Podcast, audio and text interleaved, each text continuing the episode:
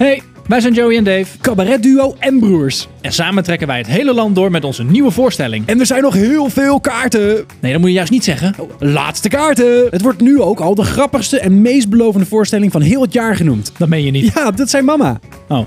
Voor meer informatie en kaarten, kijk op joeyandave.nl. Een Astrolabs podcast. Welkom bij Normale Mensen Bestaan Niet, de podcast over psychologie waarin wij vieren dat geen mens gelijk is. Want zeg nou eerlijk, heb je wel eens een normaal mens ontmoet? En beviel dat? Wij zijn Lennart Thoma en Thijs Launsbach, psychologie-nerds, schrijvers en goede vrienden. En in deze podcast behandelen we de onderwerpen uit de psychologie waarvan we denken dat je ze moet weten. Alles wat je wilde weten over hoe je in elkaar zit dus. En nog veel meer waarvan je niet wist dat je het wilde weten.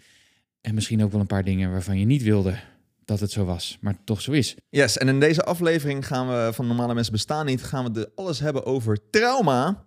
Wat is trauma en wat is het absoluut niet? Heeft iedereen nou trauma op een bepaalde manier? En kun of moet je er wat mee als je Ja. het hebt? Ja, Ja, dat- een, een verhit Positief- debat. Dat, dat positief eh, Nou, het is niet, niet per se een heel eh Gezellig. eh, jippie, eh, gezellig onderwerp, maar wel een belangrijk onderwerp, want er wordt hier nogal een debat over gevoerd, denk ik. Binnen de psychologie zelf, laten we zeggen binnen de wetenschappelijke psychologie, Ja. maar ook binnen de populaire psychologie. En daar komt nogal ehm, vaak het idee naar voren tegenwoordig. Ehm, ehm, dat iedereen trauma heeft. En dat, dat die trauma die iedereen eigenlijk heeft, dat dat de oorsprong zou zijn van allerlei eh, mentaal en psychologisch lijden. Ehm, daar kun je een beetje je vraagtekens bij stellen. En ook de vraag, je kunt je ook de vraag stellen, waar zit een trauma nou eigenlijk? Zit het in je hoofd of zit het in je lichaam? Hmm, ja, daar gaan we het over hebben. Ja. Heb jij, eh, heb jij, heb jij trauma's? Om maar even met een luchtige vraag te Ja, beginnen. lekker luchtig begin. Nou, laten we eens even denken. Ik, eh, ik, ik, ik, ik- ja, het is natuurlijk hoe je denkt dat een trauma, of dat een trauma is, maar waar ik nog wel eens wakker van schrik, soms s'nachts. Ik heb eh, de eerste keer dat ik door mijn knie ging en mijn kruisbanden scheurde, dat was nogal een erg pijnlijke gebeurtenis. En ik heb nog wel eens dat als mijn knie dus iets raars doet, of bijvoorbeeld in mijn slaap, dat ik dan wakker kan schrikken en echt, weet je, een soort van diezelfde pijn weer voelt, terwijl er helemaal niks aan de hand is. Ehm, Spookpijn. Spookpijn, ja. En dat is, daar heb ik nog wel eens, en niet gelukkig niet heel vaak, maar daar heb ik nog wel eens last van. Dus ja, als dat een trauma is, is een soort trauma, I guess. Ehm, en verder, ja. Je hebt allemaal heftige shit meegemaakt rond, rond eh, bijna overlijden en horen dat je gaat sterven en zo. Dat maar daar dingen. heb ik dan weer geen trauma aan Hoe dan? Ja, hashtag hoe dan. Dus eh nogmaals, eh, inderdaad, tilbalkanker gehad en een, ik heb een gaatje in mijn hoofd. Dat gaatje in mijn hoofd, dat kan je misschien zien op camera. Aan deze kant. Letterlijk, letterlijk gaatje in mijn hoofd en ook figuurlijk. Eh, omdat ik een keertje bijna dood was. Omdat er heel veel bloed aan de binnenkant van mijn eh, schedel zat. Die mijn hersenen wegdrukte. En als dat nog wat langer had geduurd, was ik ook echt eh cassiwale. En in eerste instantie zeiden ze nog dat ik, toen ik weer een beetje bijkwam, dat ik niet dat per se had, maar een hersentumor. En dat ik ook binnenkort dood zou gaan. Dus ik had ook echt het idee dat ik heel snel dood zou gaan.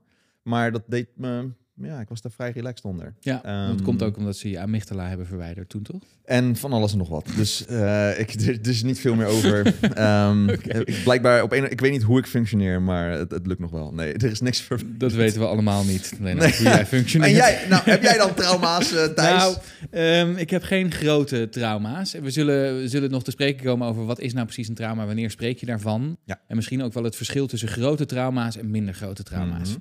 Ehm, dus dat, eh, we, hebben, we hebben in een eerdere afspreek, eh, aflevering het gehad over het werk van Gabor Maté. Ja. Eh, die heeft het over die verschillende vormen van trauma's. Komen we nog Ehm, op terug dus. ik heb geen ehm, groot definiërend trauma in de zin van dat ik posttraumatische stressstoornis heb of zo. Of echt hele grote trauma's waar ik nog dagelijks last van heb. Ik heb wel natuurlijk wel wat dingen meegemaakt uit de verschillende categorieën trauma's, denk ik. Dus ik, een van de dingen waar ik nog aan moest denken was dat ik ehm, twee jaar geleden in Mexico was. Ehm, en eh, toen was ik in Medellin, een mooi eh, eh, een, een plaatsje in, ehm, in Yucatan. Een- een- Zo'n plaats die precies eh, zo, eh, volgens het Amerikaanse model is ingedeeld met, eh, met, een soort van eh, rechte, eh, rechte straten.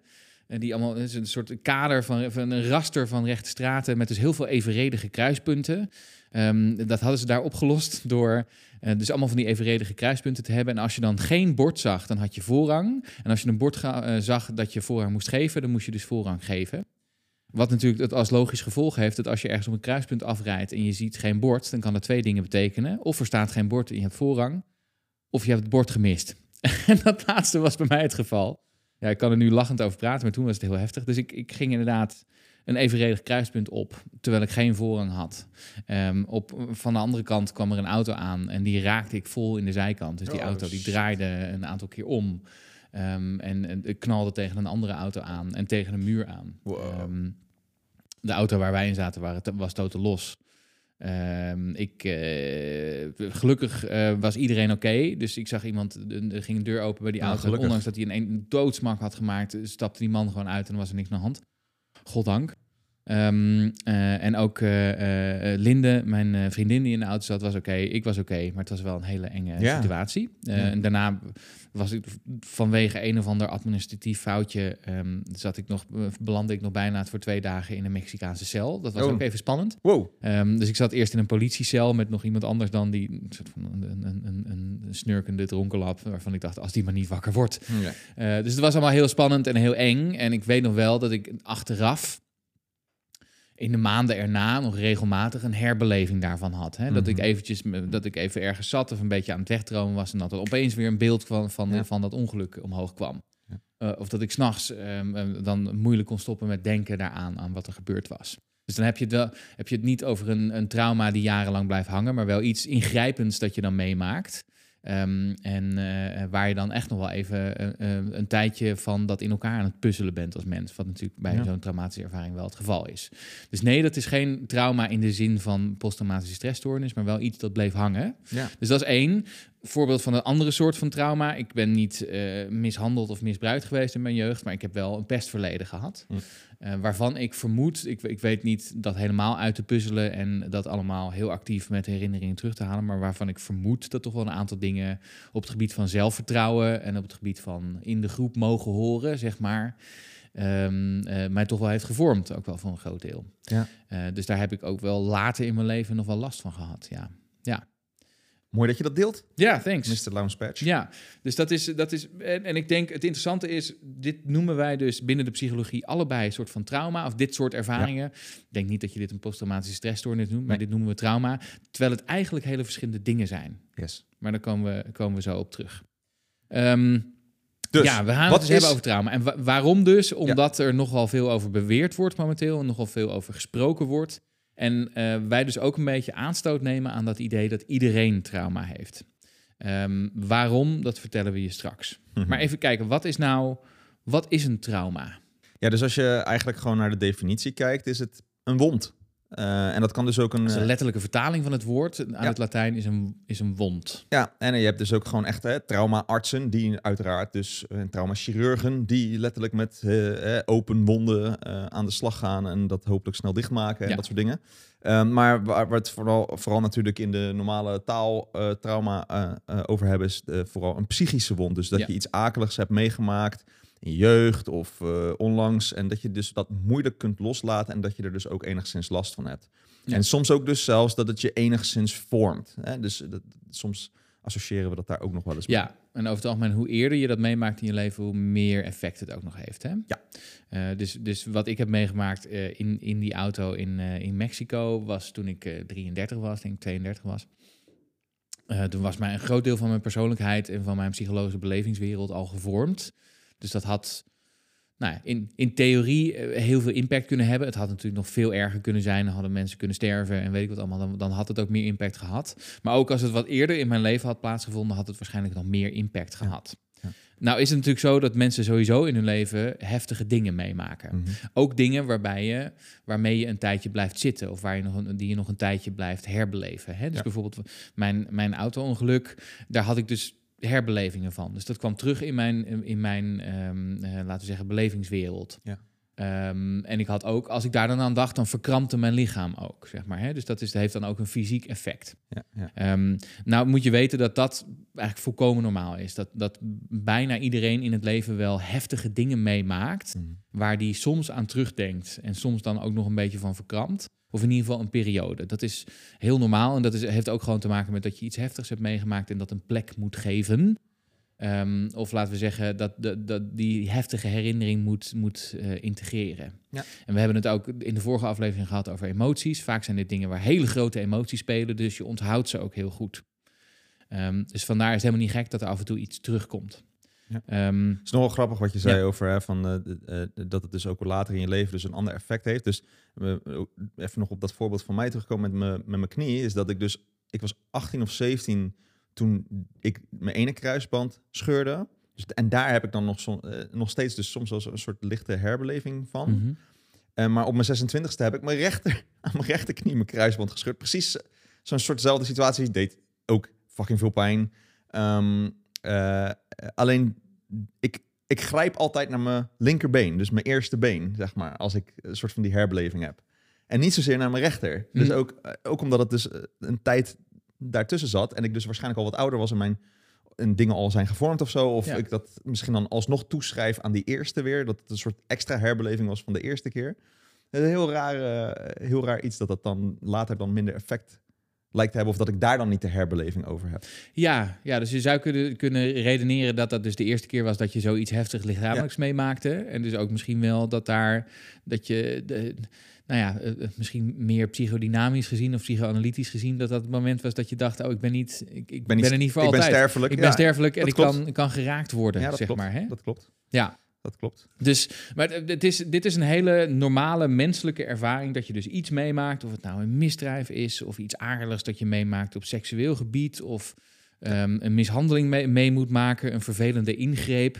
Allemaal dingen waar je, waar je behoorlijk wat last van kunt hebben en ook nog later aan kunt terugdenken en denken, oeh, ah. Ehm, heel logisch. Dat is over het algemeen niet wat we in de klinische psychologie bedoelen als we het over een trauma hebben. Nee.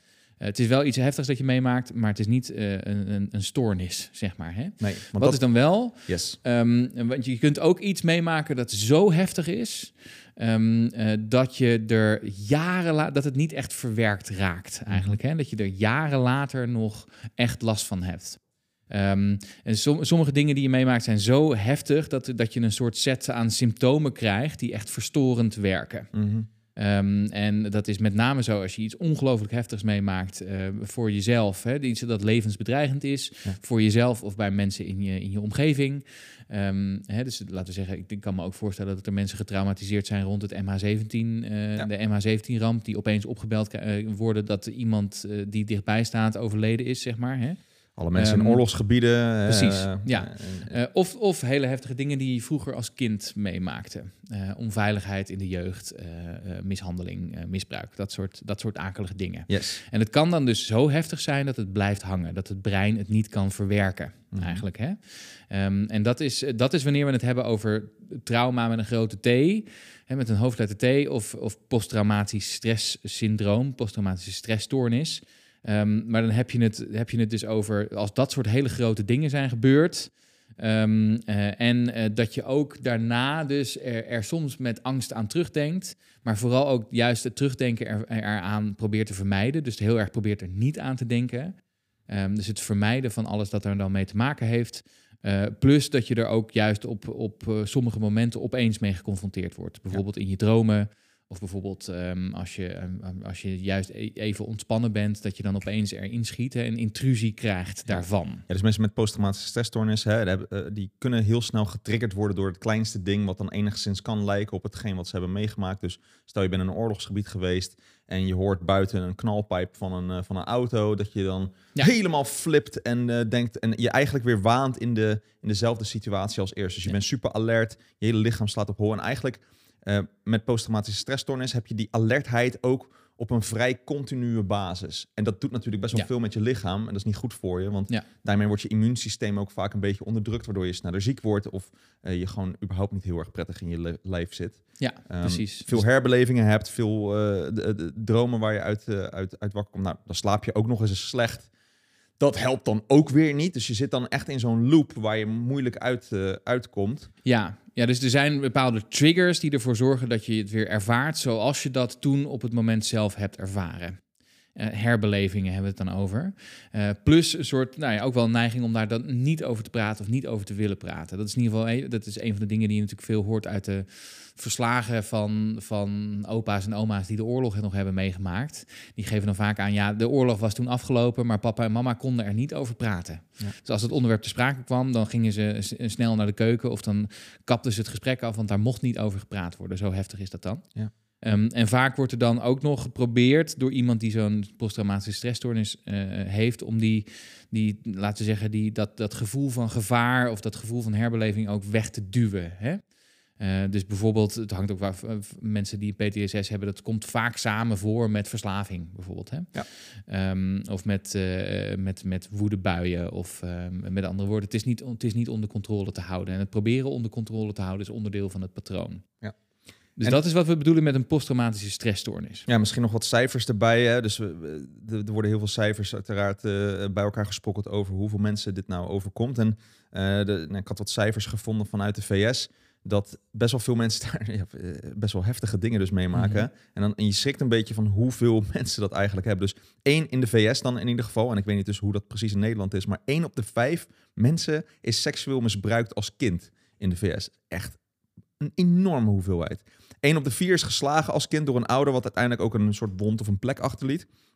Eén op de drie mensen in de VS, eh, eh, van, eh, eh, één op de drie stellen in de VS heeft wel eens fysiek geweld in huis. Dus slaat elkaar wel eens of iets dergelijks of duwt elkaar. Eén op de vier heeft een familielid die overmatig alcohol gebruikt, met alle gevolgen van dien. Ehm, en één op de acht mensen heeft wel eens zijn of haar moeder geslagen gezien. Wat natuurlijk ook als kind zijnde best wel veel impact heeft. Ehm, ja, dat zijn best wel heftige cijfers. Als je dan een beetje kijkt in Nederland, eh, dan zeggen ze nou ongeveer 7,4% van de Nederlanders heeft in zijn of haar leven PTSS. Hè. Dat kan natuurlijk ook weer eh, weggaan met goede behandeling. Mhm. Ehm, eh, dus maar in 7,4% van het is best wel veel mensen die dat, die dat dan wel eens meemaken. Daarvan vrouwen meer dan mannen. Dus 8,8% vrouwen, 4,3% mannen. Eh, en dat wordt een beetje toegeschreven, die cijfers, aan het, ja, door het verschil zit hem er een beetje in dat vrouwen meer seksueel geweld ervaren en daardoor dus ook PTSS eh, sneller oplopen. Ja, dat is natuurlijk wel verschrikkelijk om te horen. Mhm. Eh, maar dat is dus zo. Ehm, en als het meer een soort schokkende gebeurtenis is, dan heeft 52 tot 81 procent, een hele brede range, ik weet niet waarom dat precies is, maar dat haal ik uit een Mhm. bepaalde bron, maakt een schokkende gebeurtenis mee. Nou, eh, je zou bij, ik, ik zou bijna denken, nou, waarom, niet, waarom is dat niet 100 procent? want ik denk dat iedereen wel op een bepaald moment een schokkende gebeurtenis meemaakt, maar blijkbaar zijn er ook nog Hangt mensen... van de definitie van schokkend af. Precies. En, en wat er ook goed om bij te zeggen is, is dat natuurlijk heel veel mensen het niet eens rapporteren. Ja. Dus hè, dit gaat over mensen die dit rapporteren bij hun huisarts of iets dergelijks. Heel veel mensen rapporteren dat natuurlijk ook niet. Eh, of uit vragenlijsten die ze sturen. En dan kunnen mensen zeggen, nee hoor, ik maak niks schokkends mee. Of ik heb geen PTSS. Of weet Nou ja, om, omdat onderdeel van het klachtensymptoom het symptoom wegduwen. natuurlijk dat je het vermijdt. Dus dat je er niet aan wil denken. Dus het is logisch dat je dan misschien dat onderrapporteert in een vragenlijst. Of niet eens die vragenlijst invult. Precies. En dan Ja. zien we ook nog verschillen in beroepsgroepen, wat op zich ook wel logisch is. Hè? Dus, en maar wat wij, mij een beetje opviel was, nou ja, def- defensiepersoneel, eh de soldaten en dergelijke, 4 tot 9 procent die dus eh, PTSS eh, oploopt. Best veel. Maar wat nog een ve- veel groter is, is ziekenhuisartsen 15 procent. Ja. En natuurlijk maken, en ergens ook wel logisch zijn, maken natuurlijk best wel vaak en veel hele nare dingen mee, maar 15 procent, goeiedag. En ambulancepersoneel 12 procent, verzorgers van gehandicapten 8 procent, politieagenten 7 procent, brandweermannen 3 tot 5 procent. Dat zijn wel echt flinke cijfers. Ja, Ehm, ja, ik denk, ja, dus ziekenhuisartsen en ambulancepersoneel, dat heeft dus te maken met dat je heftige dingen ziet en Ja. ziet gebeuren. En dat je natuurlijk heftige klachtenbeelden binnenkrijgt van mensen die Ja. worden binnengedragen. Maar ook omdat ze natuurlijk heel vaak te maken hebben met agressieve gedrag van, van de omstanders. Ja. Of van ehm, familieleden. En die worden ook, dat, dat is ook een van de dingen die je hoort. Hè? Dus het aantal inci- geweldsincidenten gaat omhoog richting deze groepen. Het heeft natuurlijk ook te maken met dat je natuurlijk vaak heftige dingen meemaakt eh, binnen een uitgaanscontext. En binnen een context waarin veel alcohol wordt gedronken of veel cocaïne wordt gebruikt bijvoorbeeld. Hè. Dus dat zijn de contexten waarin mensen ook in een ongeluk terechtkomen. En Ja. dus de omstanders waarschijnlijk ook. Ehm, maar dit is wel, ja, dit, is, dit, zijn, dit zijn schokkende cijfers. Welke groep ik nog even mis trouwens is machinisten van treinen. ja, Die zullen er ook ergens, maar die, die kon ik niet in dit Ja. lijstje waar ik eh, in zat eh, kijken, maar die zullen ook eh, vast en zeker dit is, een groot is percentage overigens ook hebben. waarom ze eh, bij de NS en ook bij, bij Defensie, weet ik, ontzettend veel investeren ook in, in, in psychologische zorg en hulp. Dat gaat dus echt hierover. En je wordt daar ook van tevoren als machinist ook op getest. Ja. Hè? Dus of, je, of je dat soort dingen ook aan kan. En je krijgt er ook echt training in van hoe ga je er dan mee Ja. om. Ehm, wat, ook, wat ik ook nog tegenkwam was dat die cijfers rondom PTSS zijn gestegen Ja. over de afgelopen jaren. En de gedachte oorzaak daarvan, want het is altijd een beetje moeilijk te achterhalen van hoe komt dat dan? Ehm, is dat meer mensen hun klachten eerder toegeven. En dat is op zich wel een goed iets. Ja. Eh, Dus mensen herkennen het sneller als traumatisch. ja, eh, het wordt, het wordt wat normaler in de maatschappij misschien om daar ook over te praten of dat dan ook toe te geven. Ja. Eh, ik denk dat dat goed is dat dat gebeurt. Ja, zeker. Ik heb, ik heb de afgelopen tijd best een aantal keer ook, dus ook met Defensie gewerkt, met verschillende onderdelen van Defensie. Ehm, en waar, waar dat traditioneel best wel een macho cultuur was, waarin ook soms echt niet gepraat werd over dit soort dingen, is daar ook nu de omslag geweest naar, naar dit veel bespreekbaarder maken ook. En ik denk dat dat wel heel erg gezond is. Want eh, juist zoiets waar het soms heel moeilijk is om over te praten, daar is het juist heel belangrijk voor dat je erover kunt praten. Precies. En dat je dan niet ook nog eens wordt tegengehouden door een macho cultuur. Ook nog wel interessant en belangrijk, tenminste belangrijk om nog even te noemen, dat het ook nog eens zo is dat, je, dat sommige mensen iets heel erg heftigs meemaken en die krijgen wel PTSS. En andere mensen maken iets vergelijkbaars heftigs mee en krijgen geen PTSS. Die hebben er aanmerkelijk minder last van. Is het ook zo, want dat weet ik niet, dat als mensen wat een minder schokkende gebeurtenis, maar dat wel als mega heftig ervaren, dat ze dan alsnog PTSS kunnen ontwikkelen?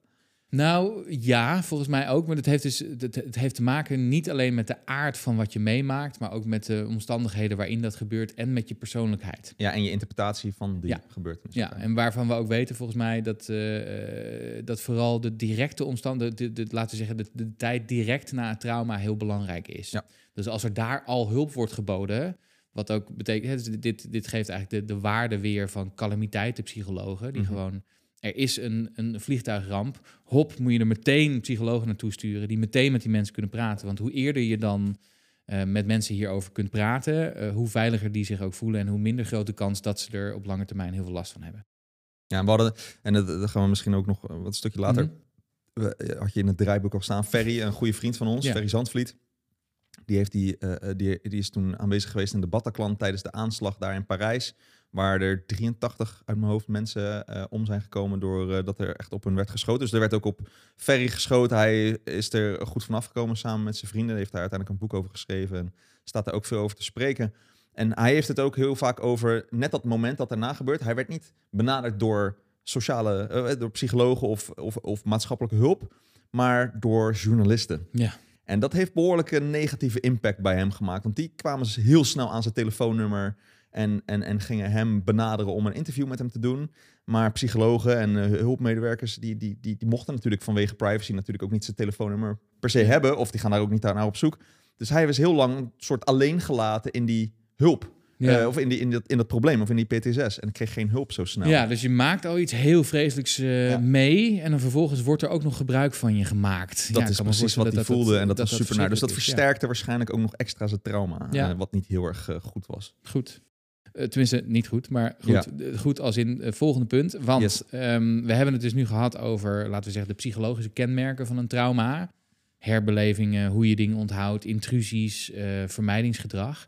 En dat is eigenlijk allemaal gestoeld op de oude manier van kijken naar trauma, die, die laten we zeggen, binnen de, de psychiatrie en de psychologie gangbaar is. Maar er is inmiddels een heel veel besproken boek op basis van het werk van een, ehm, een, een, een professor eh, op dit gebied. Ehm, Bessel van der Kolk was vor- vorig jaar ook bij eh, Zomergasten overigens. Dus dat kan je misschien nog wel terugzien als het mag van de VPRO. Ik weet niet hoe dat werkt. Ehm, maar eh, die, eh, die heeft eigenlijk zijn, zijn kennis, zijn nieuwe inzichten op het gebied van trauma verwerkt in een boek. En het boek heet The Body Keeps the Score. En ik zou zeggen, als je één boek leest over trauma, laat het dan deze zijn. Want het is een ongelooflijk belangrijk boek. Het is best een technisch boek en best een, eh, laten we zeggen, wetenschappelijk boek. Ehm, maar ook eentje de- waarin ongelooflijk mooie en belangrijke dingen staan over trauma. En ik denk misschien wel, ehm, dat is ook dan de titel, dus het zal het hoofdpunt ook wel zijn van eh, van, van der Kolk, denk ik. Die zegt, je moet trauma eigenlijk niet zien als iets psychologisch. Je moet trauma zien als iets fysieks. Ja. Iets dat in je lichaam gaat zitten. En dat heeft consequentie voor hoe je er naar kijkt. Dat heeft consequentie voor wat je dan doet om dat te behandelen ook. En Van der Kolk zegt, dus wat er gebeurt bij een trauma en hoe eerder je dat in je leven meemaakt, hoe groter die kans dan is, is dat er niet alleen dat je last hebt van wat er dan is gebeurd of die herinnering, Ehm, maar je hebt eigenlijk, eh, eh, eh, er gebeurt ook iets heel fysieks met je. Dat heeft te maken met je stresssysteem. Dat wordt even heel erg flink aangezet. Het vecht- of vluchtsysteem. Ehm, en dat geeft eigenlijk aan, er is ongelooflijk veel um, sprake van gevaar. Ja. Logisch ook, want het zijn de gevaarlijkste en de engste dingen die je ooit meemaakt. Alleen waar het stresssysteem eigenlijk bedoeld is om je uit zo'n situatie te halen en dan in veiligheid te brengen en dat je dan weer tot rust kunt komen. Je vecht- of vluchtsysteem, een fight, flight of freeze systeem. Um, dat, dat, wat er dan gebeurt bij mensen die echt getraumatiseerd raken ervan, in, in dus de PTSS sense of the word, die, die komen daar niet meer uit. Precies. Dus na zo'n trauma ervaren ze de wereld alsof die heel gevaarlijk is. Ja. Ook al is het gevaar eigenlijk al geweken. Dus hij zegt zelf, het trauma resulteert in een uh, reorganisatie van hoe de geest en het brein omgaan met wat ze waarnemen. Um, en het, dit is een quote van Van der Kolk. trauma verandert niet alleen hoe we denken en waarover we denken, maar vooral ook de vaardigheid van het denken zelf. Met andere woorden, als je een trauma hebt meegemaakt, dit, nou, dit zijn weer mijn eigen woorden, niet het, einde van de quote van Van de Kool. um, uh, als je een trauma hebt meegemaakt dat voldoende groot is om je posttraumatische stressstoornis te geven, dan verandert dat de manier waarop je de wereld ervaart. En dan zul je daarna, fysiologisch gezien, de wereld als een gevaarlijke plek ervaren. En dat is de echte, uh, het echte traumatische van het trauma, zullen we maar zeggen. Yes. Um, dus nou, dat heeft effect op hoe we het dan ook moeten behandelen. Want Van der Kolk zegt heel terecht, ja, je kan wel ja, aan het trauma gaan sleutelen met psychotherapie. Zal ook best wel handig zijn en belangrijk zijn. Maar wat je eigenlijk eerst moet doen, is dat mensen zich veilig voelen. Ja. He, dus met andere woorden, je komt in een staat van wat ze noemen hypervigilance. Je ziet na zo'n trauma opeens overal gevaar. En je schiet zo weer in die, in die alarmmodus, zeg maar. En wat je eigenlijk moet trainen eerst voordat je überhaupt nog kunt denken aan het behandelen van zo'n trauma, is zorgen dat dat zenuwstelsel weer tot rust komt. Um, dus dat, uh, en, en dat is ook, als je met mensen die getraumatiseerd zijn praat, of als je daarmee interacteert, dan kom je dit ook tegen. En die hebben ooit iets vreselijks meegemaakt, en dan jaren later ben je een discussie met ze aan het voeren. En je gebruikt net even een verkeerd woord of iemand zegt iets geks. En iemand zit er zo in en die reageert buitensporig heftig op wat er wordt gezegd. Niet om wat er wordt gezegd, maar omdat dat iets aanzet van vroeger, zeg maar. Hè? Um, en uh, dat, dat heeft dus ook. Ik zit even te kijken welke, welke kant ga ik nu op met mijn betoog. um, dat heeft dus consequenties voor hoe je het behandelt. Want traditioneel gezien is dat met uh, psychotherapie, met dus praten over de ervaring. Um, of met medicatie wordt er soms ook wel gegeven. Um, maar uh, Van de Kolk zegt dus eigenlijk... je zou het veel meer moeten zoeken in uh, soort van het lichaam tot rust brengen. Nou ja, ik denk dat ook met dat, dat, dat, uh, dat je brein eigenlijk een beetje geherstructureerd wordt... En wat we dan natuurlijk, wat dan gelukkig nu ook veel in de, in de, in de in therapie wel gebeurt, is bijvoorbeeld EMDR, waarbij je het ja. eigenlijk weer op een andere manier weer herstructureert. En vooral dat trauma dan ook uiteindelijk in je lichaam herstructureert. Hè? Dus ja. EMDR is daar dan wel een belangrijke. Uh, ja, we hebben opgezocht wat het, uh, wat het ook weer was. Want ik, ik, ja. ik zit altijd te hakkelen. Het is eye movement desensitization and reprocessing. Nou, zeggen we even mooi tegelijkertijd. we weten het nu één keer goed. Ik zei heel vaak reprogramming, maar het is reprocessing. Ja. Um, ja. Dus en wat het, eh, als je geen idee hebt wat het is, dus uh, een, een, therapeut die kan het dan, uh, als die EMDR gecertificeerd is en dat kan doen, die gaat tegenover je zitten. Je moet dan uh, uh, eigenlijk weer de gedachte opbrengen van het moment van jou, wanneer jouw heftigste trauma eigenlijk zich plaatsvindt. En eigenlijk daar dat weer gaan voelen. En onderwijl gaat de therapeut met zijn, meestal met zijn handen of zijn vingers heen en weer. En moet je met je ogen die ja, zijn handen of haar handen volgen. Ja. En je ogen gaan dus dan heen en weer. En dat zorgt voor een soort van herstructurering van dat trauma, waardoor het eigenlijk een beetje, mensen rapporteren het een beetje alsof uh, het trauma normaal gesproken heel erg aan de voorkant van hun uh, visie en, en, en, uh, aandacht is. En dat dat langzaam maar zeker een beetje naar de achterkant verschuift en wat minder, wat minder ja, belangrijk voor ze wordt. Ja, dus dat is um, een paar dingen om daarover te zeggen. Het is, het is geen magie. Nee. Dit is, dit is een, eh, iets dat... Wetenschappelijke... Toen wij aan het studeren waren, kwam dit op. En had je hier de meest eh, hoopgevende resultaten van. En bleek dit ongelooflijk effectief te zijn. Maar het is niet, het is niet magie. Ehm, we weten nog niet alles over waarom deze behandeling werkt. Maar wat we wel weten, de, de theorie erachter is wat je doet, is je dus de, de trauma herbeleven. En dan ondertussen doe je een afleidend taakje. Ja. En wat er dan gebeurt, omdat je ook nog je, eigenlijk je brein een beetje overlaat en een beetje verward, her- her- her- krijg je de ervaring van het herbeleven van het trauma zonder de enorme emotionele onderlagen eronder. En dat betekent, hoe, hoe vaker je dat doet, hoe minder, hoe meer eigenlijk de, de, de, de grote emoties rond het trauma uitdoven. Dus de herinnering is er nog wel, maar de enorme emotionele onderlaag is er niet meer. Ja. Dit is dus een, een behandeling die ongelooflijk goed schijnt te werken. Het is absoluut niet leuk. Maar moet je je voorstellen, je hebt je hele leven probeer je om dat trauma dat je hebt meegemaakt, het moment dat je het allerkwetsbaarste en het, het aller in het nauwst was van je hele leven, dat je het vreselijkste hebt meegemaakt dat je, dat je ooit zult meemaken, wat je dus altijd probeert te vermijden. Nou, dan zit je dus tegenover een therapeut en zegt, nou, eh, haal het maar weer op. Ja. Dus je hebt alles ingesteld om dat nooit meer te hoeven voelen en moet dan moet je, het herbeleven. Ja, en, en, en daarbij zeggen is dat sommige mensen hebben dan soms een trauma op trauma op trauma, als, zeker als het vanuit hun jeugd is. Ja. En dan is het soms nog best wel eens moeilijk te achterhalen. Wat is nou een soort van de oorspronkelijke trauma waar alles ook een beetje uit voortvloeit? Want als je natuurlijk al getraumatiseerd bent, kan je nieuwe dingen, nieuwe gebeurtenissen, die ook misschien wel heftig zijn, ook weer als een heel groot trauma beleven. Ja. Maar als je die dan gaat behandelen met EMDR, dan ben je dus er nog niet. Dan ben je ook nog niet van je, van je symptomen af. En ook nog een beetje een kanttekening, wel bij EMDR, wat er een beetje gevaarlijk aan is, eh, eh, eh, is ehm, als je dan eenmaal, als mensen eenmaal EMDR hebben gedaan, soms zitten er nog steeds bepaalde gevoelens onder eh, die nog niet dan verwerkt zijn, maar omdat dan het trauma wel op een bepaalde manier is verwerkt, ga je daarna niet meer de therapie volgen die je eigenlijk misschien nog wel nodig hebt, zodat er toekomstige angsten eh, of, of gebeurtenissen minder Ja. impact op je leven hebben. Dus Ja. het is soms een beetje een, het helpt, hè? het is een goede pleister, eh, maar soms pak je het onderliggende probleem dan nog niet helemaal aan. Ja, precies. En ben je weer vatbaar voor Ja. nieuwe traumatische gebeurtenissen naar de toekomst toe. Ja, dus dit pleit er echt voor dat je EMDR doet bij iemand die er absoluut heel veel van af weet en heel veel ervaring in heeft en ook dat precies weet, te- weet te plaatsen. Dit is niet something you trifle with, zeg Nee. maar. Hè? Ehm, dus ga dan naar een ervaren iemand die dit kan doen en die ook, een- ook een aantal dingen kan zien van je. Ehm, want dat heb je nodig. Want het is dus, het is belangrijk, het is heel werkzaam en effectief, maar het is wel spelen met vuur. Ja.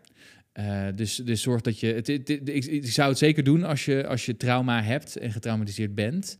Eh, maar zorg dat je iemand uitzie- uitzoekt die dat voldoende gewicht weet te geven. En niet iemand die daar, eh, die daar een beetje lichtvoetig mee Precies, want waarom is het ook spelen met vuur? Is omdat de, überhaupt de herbeleving ook nog het trauma kan versterken Ja. als je niet uitkijkt. Hè? Dus er moet tussendoor echt wel wat anders gebeuren. En eigenlijk is het ook dat je in eerste instantie best wel even een, een goede relatie met de therapeut moet opbouwen voordat, je, voordat hij in één keer bij de eerste sessie gelijk EMDR gaat lopen doen. Ja, en dit is Ehm. ook de reden dat het dus wat, wat heel vaak, en dat vind ik een van de meest schrijnende dingen uit de, uit de GGZ, uit de geestelijke gezondheidszorg momenteel. Wat daar natuurlijk vaak in de praktijk gebeurt, is dat je een trauma hebt. Dat je je aanmeldt bij de, bij de huisarts, daar moet je je verhaal doen. Dan, je word je op een wachtlijst gezet en dan moet je, eh, krijg je dan na een half jaar krijg je een intake met de intaker van, van eh, de instelling. Moet je je verhaal doen, word je ergens anders bij geplaatst. Eh, met andere woorden, je moet tegen een hele hoop mensen een heel kwetsbaar en heel persoonlijk verhaal vertellen over iets dat, dat vreselijk is geweest Wat je eigenlijk probeert weg te drukken. Ja, en die zeggen dan steeds, oh, dan ga je naar de volgende, want dan zetten we je daar wel op een lijstje, want dat is beter. Eh, dus dat, is, eh, dat, dat vind ik heel heftig. Maar goed, Bessel van der Kolk zegt dus... voordat je überhaupt kunt, kunt gaan sleutelen aan dat trauma... dan, ehm, ja, ik weet het. Ehm, eh, ik krijg een handsignaal van, eh, van Lennart... Dat, Ja, dat, we, dat we de neiging hebben om weer over de tijd heen te gaan. Maar volgens mij gaat dit lukken. Eh, zes minuten, dus dat komt helemaal goed. Ehm, voordat je überhaupt kunt sleutelen aan, laten we zeggen, de psychologische kanten van het trauma, moet je dus zorgen dat dat zenuwstelsel dat dat tot rust komt. En hij zoekt het eigenlijk meer in, laten we zeggen. Ehm, eh, bijvoorbeeld eh, eh, praatgroepen met, met, gelijk, met mensen die, ding- die dergelijke dingen hebben meegemaakt. ehm, samen muziek maken, Ja. massagetherapie, yogatherapie, al dat soort dingen. Die Ja. meer te maken hebben met Je je lichaam. onder, on- on- nou, het teken geven, het is veilig hier, zeg maar. Hè? Zij heeft het zelfs over eh improvisatietheatertherapie bijvoorbeeld. Heel interessant. En nog een andere, maar die bewaar ik voor straks, want anders krijg ik ruzie met Lennart, omdat ik te veel praat. Ehm, wil ik nog wel eventjes naar een van de belangrijkste punten van Bessel van der Kolk over trauma, Mhm. eh, waar we te weinig over hebben. Want trauma is volgens de handboeken van de psychiaters en de psychologen gewoon iets dat je meemaakt dat heel heftig is. Op wat voor leeftijd dan ook. Eigenlijk, zegt Bessel van der Kolk, en ik denk dat hij daar heel erg gelijk in heeft, is er een heel groot verschil tussen dingen die je vroeger als kind meemaakt en een trauma dat je later van naar aanleiding van een schokkende gebeurtenis later in het leven. Dat, dat is niet hetzelfde ding. Daar zou je eigenlijk twee verschillende categorieën voor moeten hebben. En Bessel van der Kolk heeft het dan veel over. Je noemde net al die cijfers hè, van hoe Ja. zoveel mensen heeft als kind mishandeling meegemaakt, misbruik meegemaakt. Dat klinkt alsof dat allemaal verschillende groepen is, alsof dat eh, eh, eh, Mhm. pakken met terugleggen is, zeg maar. Maar dat is natuurlijk niet zo. Nee. Want va- dat is vaak dezelfde groep. Je hebt helaas een bepaalde groep. Ik weet niet precies welk percentage het is. Zeg, zeg 10% van de mensen die gewoon alle shit meekrijgt in, het, in, het, in de jeugd. Dus en onveiligheid, en seksueel misbruik, en een mishandeling. ehm, en eh, al, die andere dingen, zeg maar. hè. Beste, ja. Ja, dus dat is. ehm, en, en hoe meer van dat soort dingen je meemaakt, en dan heb je het dus over wat ze noemen ACE's, Adverse Childhood Experiences. Hoe meer van dat soort dingen je meemaakt, hoe groter de kans wordt dat je later op een latere leeftijd psychologische problemen hebt. Ja. Dus trauma's hebt, maar ook depressie of verslaving of al die dingen. Hoe, hoe, hoe groter de kans dat je in de bak belandt uiteindelijk. Ehm, dus het is eigenlijk heel gek dat we dat, we dat als hetzelfde klachtenbeeld zien. Ja. En eigenlijk pleit Van de Kolk dus heel erg ervoor dat je een aparte groep hebt. Dat er veel meer aandacht moet komen voor de groep die gewoon heel veel shit in de vroege jeugd meemaakt. Want dat is ook wel logisch, hè? Want als je je model van de wereld en je ervaring van de wereld nog aan het opbouwen bent. en je krijgt dan van allerlei verschillende kanten de boodschap: de wereld is niet veilig. Je moet altijd oppassen dat er niet eh, iemand achter een hoekje staat om je een mes in de rug te steken, zeg maar. Ja, dat doet iets met hoe je de rest van je leven indeelt, zeg maar. Hè? Dus dat is vaak het, het klassieke beeld van... we moesten altijd op onze tenen lopen... want het kon zomaar dat papa ontplofte. En dan kreeg, dan, dan, dan kreeg je een lel, zeg maar. Hè? Ja. Met andere woorden, de wereld is voor deze mensen altijd gevaarlijk... En dat leidt uiteindelijk tot een verhoogde kans op al die psychologische eh, narigheid die je later in je leven krijgt. Dus er moet veel meer aandacht komen voor die groep die gewoon stelselmatig wordt getraumatiseerd in Ja. de jeugd. Mooi gezegd. Dan komen we ook een beetje op Gabor Maté met ook die, die twee onders, ook een onderscheid in trauma maakt, namelijk grote T-trauma eh, voor hè, grote levensbedreigende situaties en Ja. kleine T-trauma. Ja, dus, En dat- dus als je nu denkt, we hebben grote T-trauma, klein. Dus tra- hij, hij maakt een onderscheid tussen trauma met een hoofdletter T Juist, en trauma met een kleine letter T. precies. Sorry, maar ga door. Ja, en eh, eh, de kleine T-trauma, ja, dus dat is dus dat ouders hun liefde niet tonen toen je aan het opgroeien was, of opgroeien zonder vader of moeder. Eh, dat Of zijn mijn pestverleden. pestverleden. Dat is ook een. eh, nou ja, ik. En, en denk jij dat het dus is op basis van ook weer die adverse eh, childhood experiences tegenover zeg maar wat je in latere leeftijd ervaart? Dat die het zo. Want ik heb het idee dat die het gewoon hele, hele, hele schokkende gebeurtenissen. En dat kan jij, misschien is het pestverleden. ja. Kan een hele schokkend, mega schokkende gebeurtenis. Het- Wat ik zijn. ervan begreep, en het zou kunnen dat ik dat verkeerd begrijp hoor, maar dat is, het- Gabor Maté heeft het over trauma met een, met een hoofdletter T op het moment dat je het eigenlijk de, de PTSS-categorie trauma hebt. Dus ehm, levensbedreigende situatie, eh, een ongeluk meemaken, ehm, eh, tijdens een oorlog je, je maat zien sterven naast Ja. je, wat Ferry heeft meegemaakt, Ja. dat soort grote trauma's. En trauma met een kleine letter T heeft hij het eigenlijk laten zeggen, ja, om het een beetje oneerbiedig te zeggen, de huistuin- en keukentrauma's. Eh, niet gezien worden door je ouders, Ja, ja, ja, ehm, eh, eh, niet in de groep liggen, er niet mogen zijn, ehm, geen negatieve emoties mogen ervaren, dat soort dingen. Hè? Dat, dat zijn meer de. En die- en die maken natuurlijk, die- maken we allemaal wel mee, een aantal van deze dingen. Niet in gelijke mate, maar allemaal wel een aantal trauma's met een kleine letter T. Ja, en hij, zei, hij zegt dan ook van hè, dat, heel, dat heel veel mensen juist heel veel van die kleine T-trauma's daar een hele flinke opstapeling vaak van hebben. Ja. Wat dan weer leidt tot heel veel negatieve klachten enzovoorts. Ja, en dan gaat, leidt dat vervolgens ook weer tot ander gedrag. En, en nou, Gabor Maté hebben we het in, in de eerste aflevering over gehad. Die eh, heeft- houdt zich ook heel erg bezig met verslaving, bijvoorbeeld. En hij zegt, eh, Gabor Maté is best wel stellig daarin. Hij zegt, alle verslaving heeft te maken met trauma. En dat is ook een van zijn gevleugelde uitspraken is: Ask not why the addiction, ask why the pain. Dus vraag niet waarom iemand verslaafd is, vraag waarom iemand pijn heeft en dat dat dus er probeer te doven verslaving zit. met die verslaving. Ja. ja. Dus dat, maar dit, dit leidt denk ik ook wel tot precies dit, dit misverstand. Ik denk dat het goed is hoor, dat, deze, dat we deze twee dingen uit elkaar houden. En dat we het niet allebei trauma noemen. Want wat is het gevaar? Als je zegt iedereen heeft trauma, en dat wordt dus nu steeds vaker gezegd. De, ja, daarmee, ehm, eh, ver- ja, ik- wat is het woord? Ehm, je doet een beetje geringschattend over het trauma dat mensen meemaken die, laten we zeggen, een, een, een groot een hoofdletter T-trauma meemaken. Als je Mhm. zegt iedereen heeft trauma, we hebben allemaal wel zoiets. Mhm. We hebben allemaal psychose... Ja, je, wijft de ja. mensen weg die echt wel flinke dingen hebben meegemaakt. En, precies. en doet dan alsof iedereen datzelfde soort van heeft meegemaakt. Terwijl Ja. er best wel een onderscheid is. En het is ook een soort, ik zie het ook meer als een spectrum van, het is niet het een of het ander, weet je wel. Het is, het is meer een spectrum van hoe ernstig natuurlijk de gebeurtenis is. En hoe ernstig je dat interpreteert als Ja. persoon zijn. Want daar zijn natuurlijk ook weer allemaal verschillen in in mensen. Ja, Ehm, en ik denk, ja, dat, goed om dat onderscheid wel te maken. Ja. Omdat anders sommige mensen zich misplaatst voelen over hetgeen wat zij hebben meegemaakt. Ja, ik heb ook wat ernstigs meegemaakt. Ik ben, eh, weet je wel, ja. eh, en dan iets heel kleins zeggen. Eh, laten we zeggen, als je je leven lang hebt gehoord dat je niet goed genoeg bent, zeg maar, hè? eh, waar ook een beetje een van mijn boeken natuurlijk over gaat, wat, wat een boodschap is die we veel meegeven in de maatschappij aan mensen. Ehm, dat is heel erg. Dat is echt iets waar we aandacht voor moeten hebben. Maar het is niet hetzelfde als stelselmatig mishandeld zijn in je jeugd en, en je nooit veilig hebben gevoeld in de wereld. Het is echt een ander klachtenbeeld. Het is allebei ernstig, maar het is, het, het is voor niemand goed als we die twee dingen allemaal in dezelfde bak gooien en dan zeggen, ja, iedereen heeft trauma. Ehm, eh, en laten we zeggen, met sommige van die trauma's kun je ook redelijk goed leven. Met, met die categorie allerzwaarste trauma's, daar heb je over het algemeen ook wel echt hulp bij nodig om daarna je leven nog op te kunnen bouwen. Dat is wel ook wel het verschil, denk ik. zeker. Dus het idee dat iedereen trauma heeft, is denk ik, het is heel empathisch. En ik snap ook waar het vandaan komt. En we hebben allemaal akelige dingen die we meemaken. Maar het is denk ik toch belangrijk om dat onderscheid te kunnen maken. Zo is het. Goed. Hebben we nog iets van quirky stuff? Ehm, eh, ja, ehm, want, dat is, we, we hadden het net over, over de, de, laten we zeggen, de nieuwere methodes om met trauma om te gaan, die te behandelen. We hadden het over yoga en over muziek en over eh, massagetherapie en over dat, allemaal dat soort dingen. Eh, samen spelen, om, om dat, om dat stresssysteem, ehm, om die hypervigilance een beetje te kalmeren. te kalmeren. Mhm. Eh, waar we het nog niet over hebben gehad, is een, ja, dat is ook een beetje een van mijn stokpaardjes. dus Daarom wilde ik die er nog even ingooien. Maar er wordt tegenwoordig ook steeds vaker trauma behandeld, net als andere dingen, maar ook trauma met eh, psycho, ehm, psychoactieve stoffen, psychedelische stoffen, zeg maar. Ehm, dus er wordt heel veel nu geëxperimenteerd met, eh, met bijvoorbeeld het gebruik van paddenstoelen, dus psilocybine. eh, voor, voor, voor traumabehandeling of voor behandeling van andere dingen.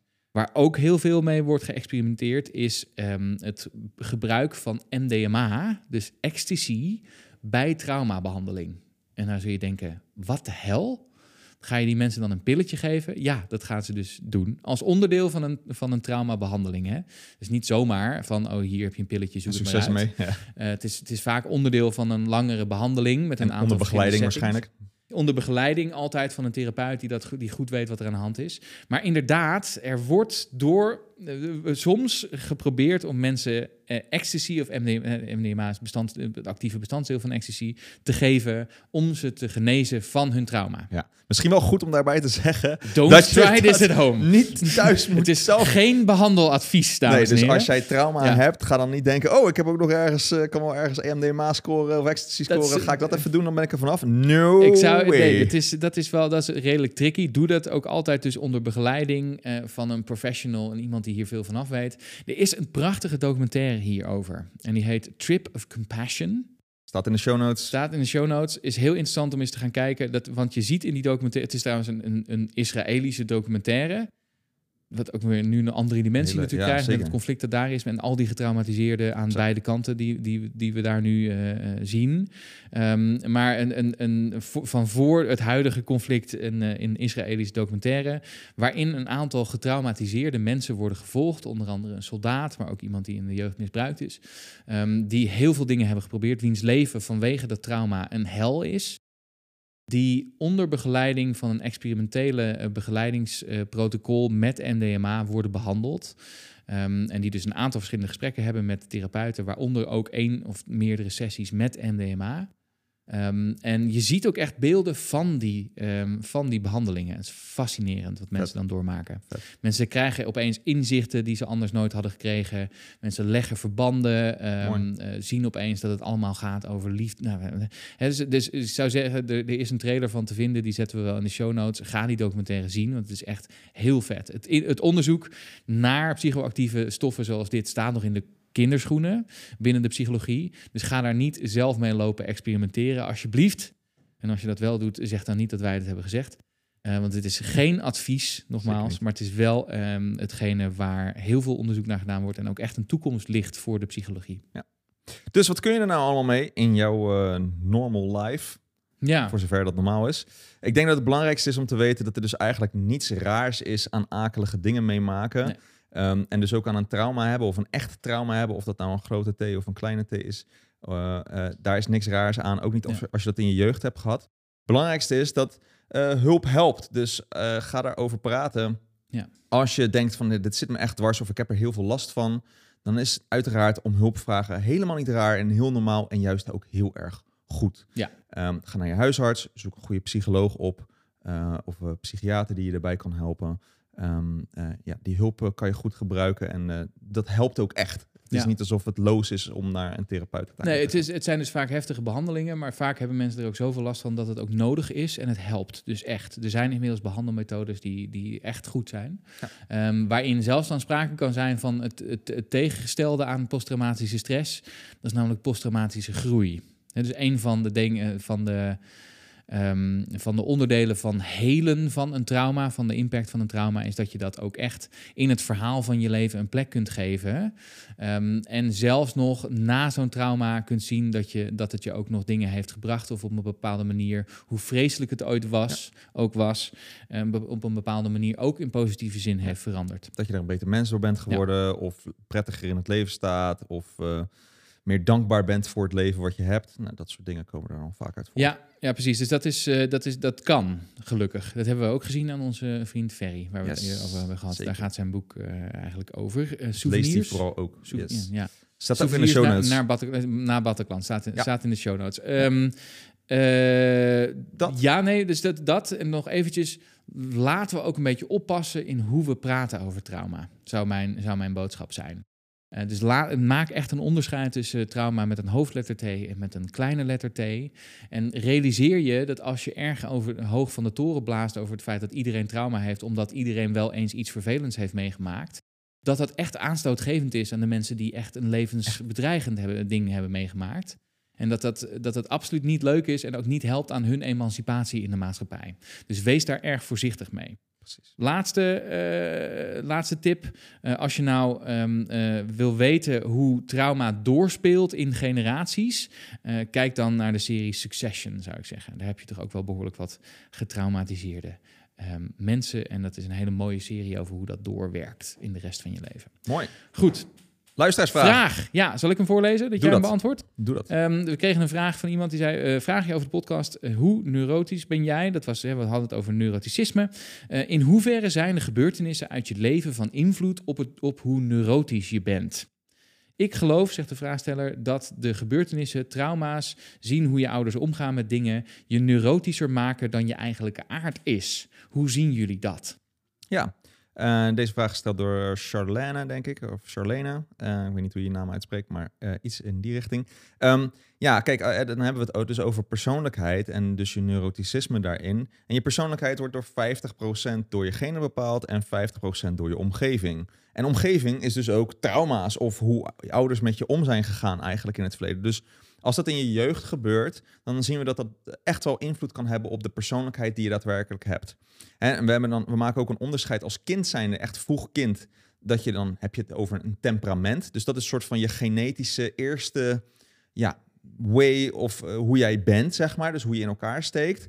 En naarmate je dus volwassen bent, dan gaan we het persoonlijkheid noemen, omdat dan ook dus heel veel invloeden van de omgeving, waaronder trauma's, je persoonlijkheid heeft veranderd. En daarmee kan je, sommige mensen worden dus ook zeker neurotischer als ze veel nare dingen hebben meegemaakt in hun jeugd. Ehm, ook goed om daarbij te zetten. Dus als je dan volwassen bent, dus hè, daar hebben we het net ook een klein beetje over gehad. Stel je bent, eh, weet ik veel, 48 en je maakt dan een heftig trauma mee, dan heeft dat minder of bijna geen invloed op je persoonlijkheid. Dus is vooral in je jeugd dat dan heel erg je persoonlijkheid beïnvloedt. Ja, Ehm. dus, dus wij zeggen vaak, hè, je hebt een bepaalde persoonlijkheid en dat, dat is nou eenmaal hoe je gebakken bent. En dat heeft met neuro- neuroticisme te maken en die andere bijvoorbeeld van de Big Five. Eh, en als je dat eenmaal, als je eenmaal volgroeid bent, zo ongeveer, dan, dan zijn die min of meer hetzelfde. Ehm een van die uitzonderingen daarvan is als je op latere leeftijd iets heel ernstigs meemaakt en je hebt daar heel veel last van. Dat kan, dat kan zorgen voor meer neuroticisme. Ja. Dus, dus een van de uitzonderingen daarop. En je kunt je ook voorstellen dat hoe eerder in het bakproces dit al plaatsvindt, hoe meer gevolgen het heeft voor het eindresultaat. En hoe maar, meer hè? ingebakken het is. Precies, dus als je, eh, als je nog aan het bakken bent, je persoonlijkheid aan het bakken bent en je maakt dan een aantal hele heftige dingen mee, dan heeft het natuurlijk ook meer effect op, wat je, op hoe je persoonlijkheid daarna is. Ja. Het heeft meer effect dan als je eigenlijk al afgebakken bent, Ja. zeg maar. En er zat ook nog een soort subvraagje in. Het is niet alleen hoe ouders met jou omgaan als, als, als kind zijnde. Het is ook hoe zij omgaan met bepaalde dingen. Dus eh, ik heb daar een voorbeeld van. Mijn tante, die is heel erg bang voor clowns. En eh, dat, dat liet ze dan soms wel eens horen of merken als er dan weer blijkbaar een of andere clown in de buurt of whatever was. Waardoor mijn eh, neefjes en nichtjes, dus haar kinderen, ook heel erg bang werden van clowns. En, ehm, Ja. eh, en, en dus hoe, hoe dan de tante mee omging, ja, dat maakte ook dat de, de kinderen daar dus wat angstiger door werden. Zeker eh, ja, liep ik een keertje met mijn neefje door een of ander speelpark. En dan kwam er een clown af. Nou, hij moest echt met een hele grote boog eromheen. Eh, En toen was hij nog wel wat kleiner. En die was doodsbang voor die eh Ja, maar laten we ook eerlijk zijn, clowns zijn zijn, ook eng. gewoon fucking eng. Ja, oké, oké. Maar hey, Waarom clowns? Laten we stoppen met clowns. nou, als je zelf een clown bent, dan niet persoonlijk genomen, maar Ach ja, holy moly. dus dat. Nou, Ja, goed. komen we weer bij Doe de jij, eh, afronding ja. eindelijk van deze Precies, doe jij de afsluiting? eh, Ehm, in de volgende aflevering gaan we het hebben over hoogsensitiviteit.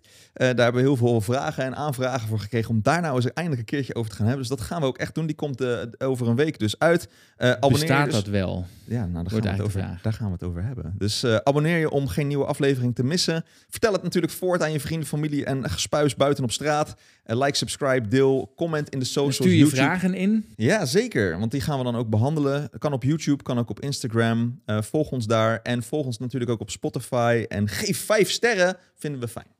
Ja, en eh, onthoud of je nou een trauma met een eh, hoofdletter T of met een kleine letter T hebt meegemaakt eh, of niet. Ehm, je bent, en dat is de, de vervelende boodschap misschien, nee, je bent niet normaal. Maar normale mensen bestaan ook niet. Dus iedereen is net zo raar en uniek als jij. Dus of je nou wil of niet, normale mensen, al dan niet met trauma, bestaan nou helemaal niet. Toedels!